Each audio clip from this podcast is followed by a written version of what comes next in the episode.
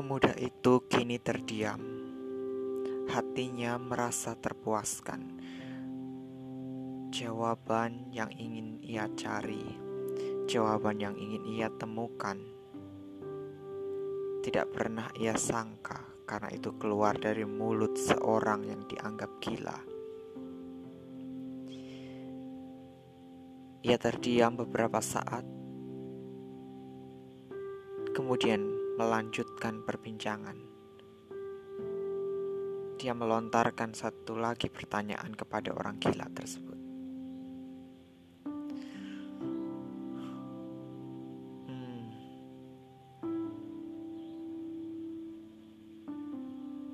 Kalau semua adalah aku, lalu bagaimana aku harus memperlakukan mereka? Bagaimana aku harus memperlakukan orang-orang di sekitarku, orang-orang yang kutemui. Apakah aku harus memperlakukan mereka selalu dengan penuh kasih sayang, selalu memaafkan, selalu memaklumi? Bagaimana aku harus memperlakukan mereka? Mohon jawablah pertanyaanku ini. Begitu tanya si pemuda. Kemudian orang gila itu malah balik bertanya. Sekarang ini kamu sebagai siapa? Apa yang kamu lakukan dalam kehidupan kamu saat ini? Sederhananya, apa pekerjaan kamu? Tanya orang gila itu kepada si pemuda. Kemudian pemuda itu menjawab dengan agak ragu-ragu. Hmm, aku seorang tukang sihir Jawab pemuda itu. Lalu orang gila kembali bertanya,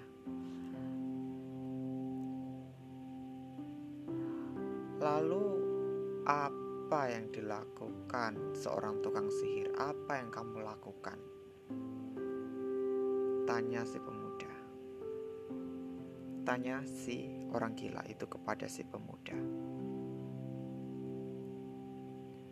Pemuda tukang sihir itu pun menjawab, namun dia agak ragu-ragu karena takut akan dihakimi, takut akan dicela. Namun ia memberanikan diri untuk menjawab, e, sebagai tukang sihir, terkadang aku memberikan nasihat, terkadang membantu menyembuhkan. Terkadang aku juga mengirimkan sihir-sihir jahat untuk orang-orang tertentu. Aku terkadang juga membantu seseorang untuk mendapatkan pasangan. Tapi sebaliknya juga kadang aku juga membantu orang lain untuk uh, memisahkan suatu pasangan, mengirimkan penyakit juga.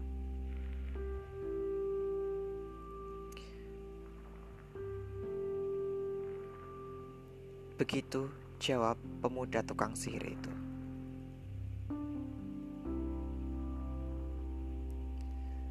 Orang gila yang mendengarnya terdiam sejenak.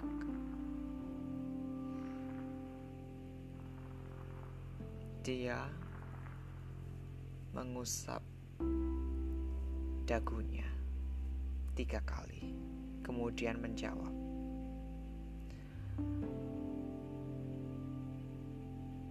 Ketika kamu sadar bahwa semua adalah dirimu, semua adalah aku, ada beberapa cara yang dapat kamu lakukan untuk memperlakukan sesamamu. Yang pertama, perlakukan mereka sesuai dengan peranmu saat ini, sesuai dengan peranmu dalam kehidupan ini. Kamu harus menjalankan peranmu, dan biarkan mereka, orang-orang di sekitarmu, juga menjalankan perannya. Kamu tidak boleh merasa ragu ataupun merasa bersalah ataupun merasa malu dengan peran atau karma yang tengah kamu jalani saat ini. Seorang tabib akan membantu orang yang sakit supaya orang sakit itu bisa sembuh. seorang gembala akan berperan untuk menggembalakan sapi-sapinya atau kambingnya. Dan kambing-kambing ini, sapi-sapi ini berperan juga dalam kehidupan ini, menghasilkan daging, menghasilkan susu, membantu pekerjaan di ladang ataupun di sawah.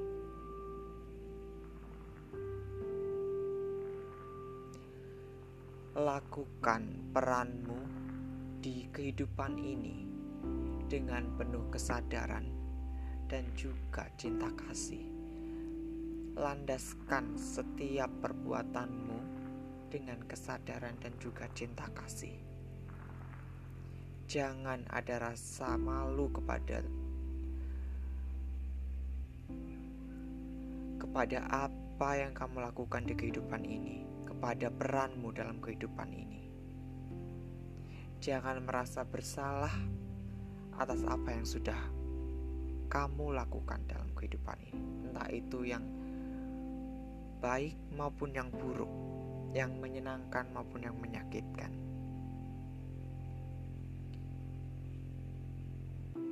Ketika seorang jagal harus menyembelih seekor sapi di situlah mereka berperan masing-masing,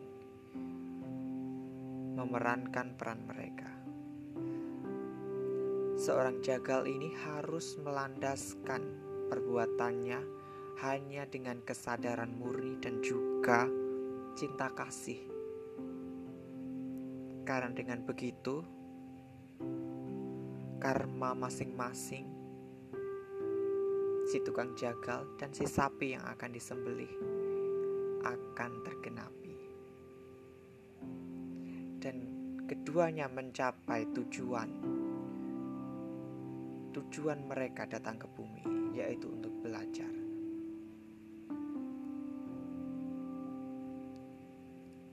Ketika tukang jagal ini menyembelih sapi, ia harus bebas dari kebencian ia harus bebas dari ketakutan.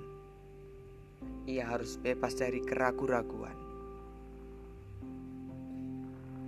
Ia harus sadar dan tahu bahwa apa yang ia lakukan saat itu adalah bagian dari perannya sebagai manifestasi Sang Sumber Tuhan di dalam kehidupan ini.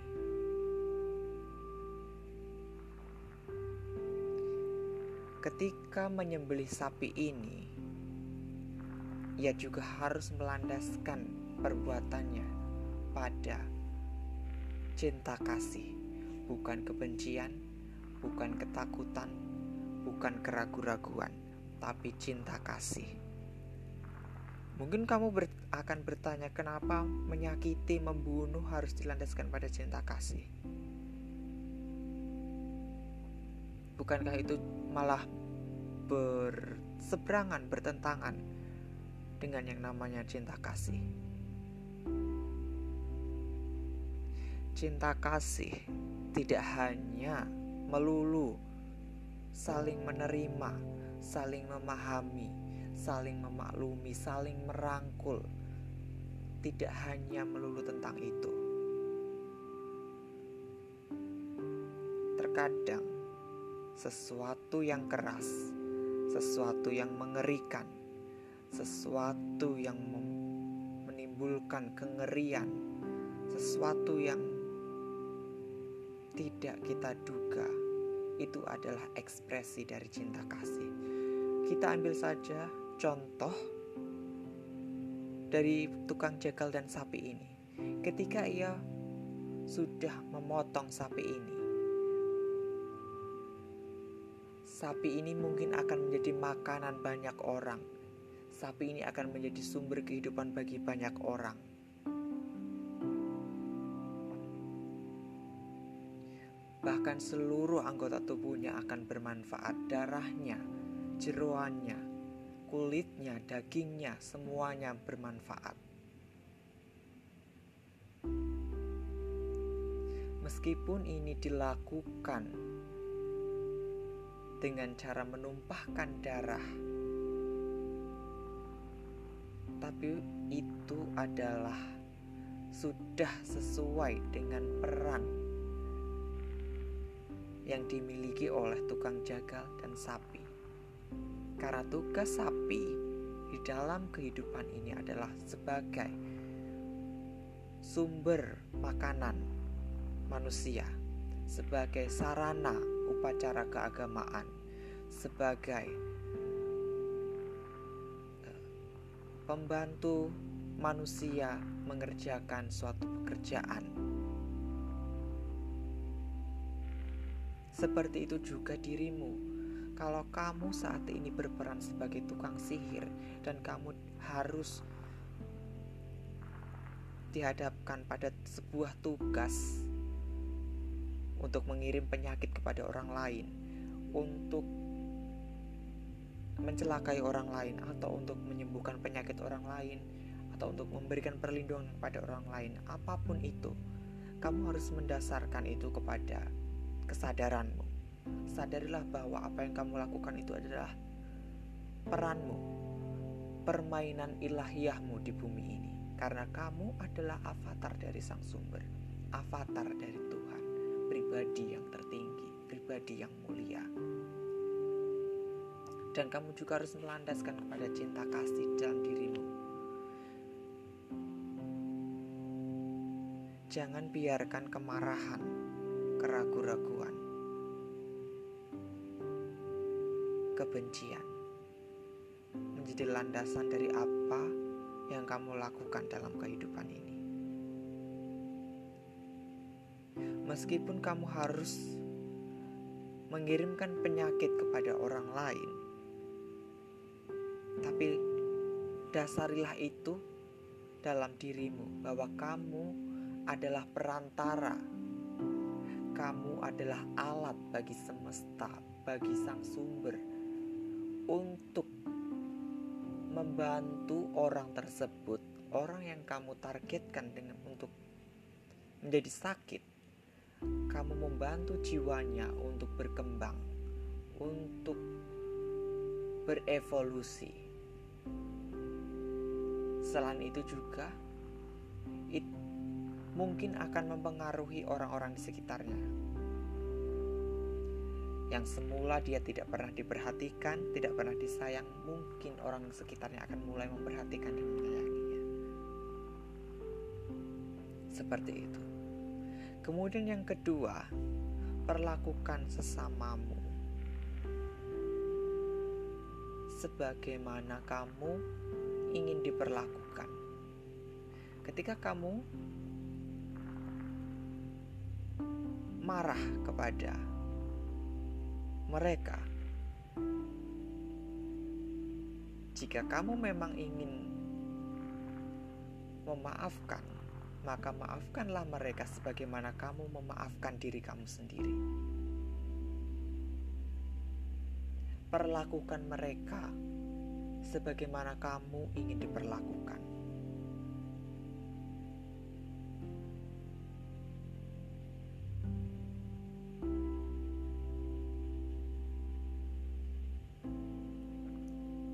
Kamu ingin menghukum mereka,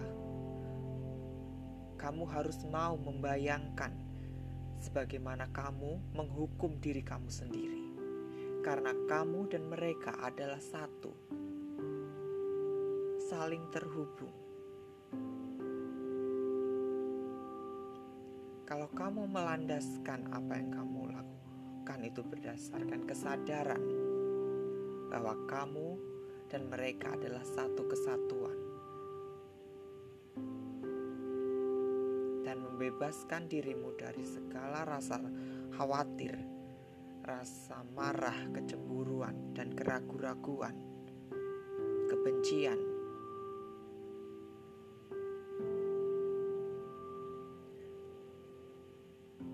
maka kamu akan terhindar dari siklus yang berulang. Kemudian, yang ketiga, perlakukanlah mereka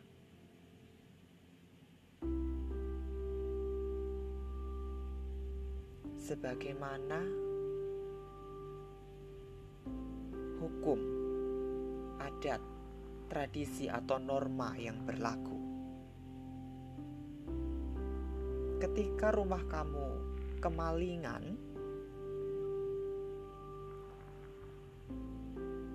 dalam dirimu, dalam hatimu, kamu bisa saja memaafkan, bisa saja memaklumi pencuri ini, karena kamu menyadari, kamu tahu pencuri ini juga adalah pancaran dari dirimu, pancaran dari sang aku, sang sumber pribadi yang tertinggi. Dan dia menjalankan perannya.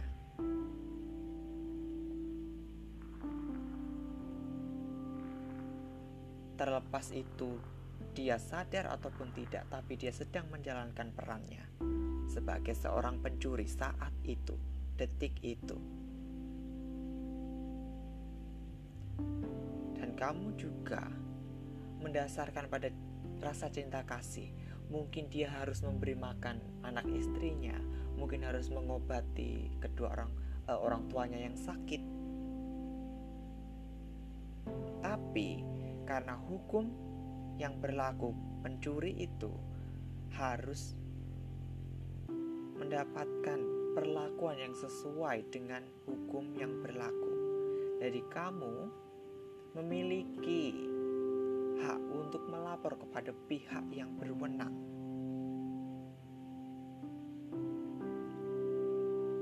Sehingga pihak yang berwenang, di sini kamu menjalankan tugasmu.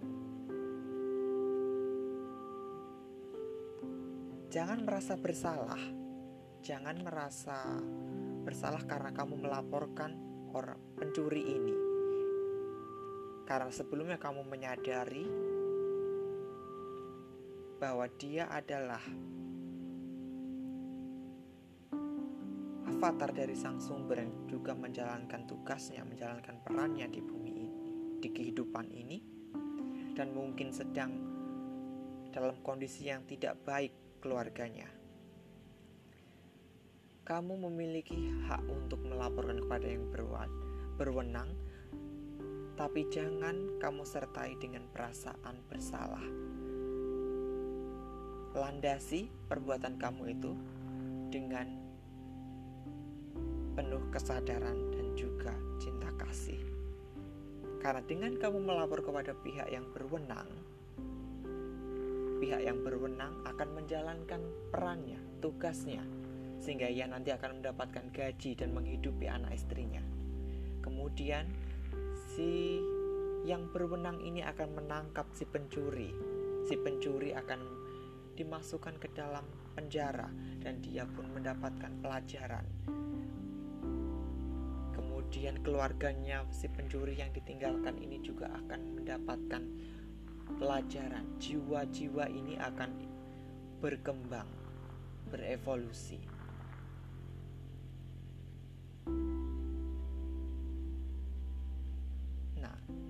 itu menurut sa menurutku tapi kalau kamu mungkin memiliki pandangan yang lain ya itu sah-sah saja. Karena apa yang aku katakan ini bukanlah suatu kebenaran. Ada banyak sekali kebenaran yang tidak diucapkan daripada kebenaran yang diucapkan. Karena terkadang apa yang sudah diucapkan ini sudah bercampur dengan ego. Jadi kamu tidak harus mendengarkan apa yang aku katakan. Bahkan aku tidak tahu apa yang aku bicarakan. Tidak heran orang-orang memanggilku gila. Bukan begitu?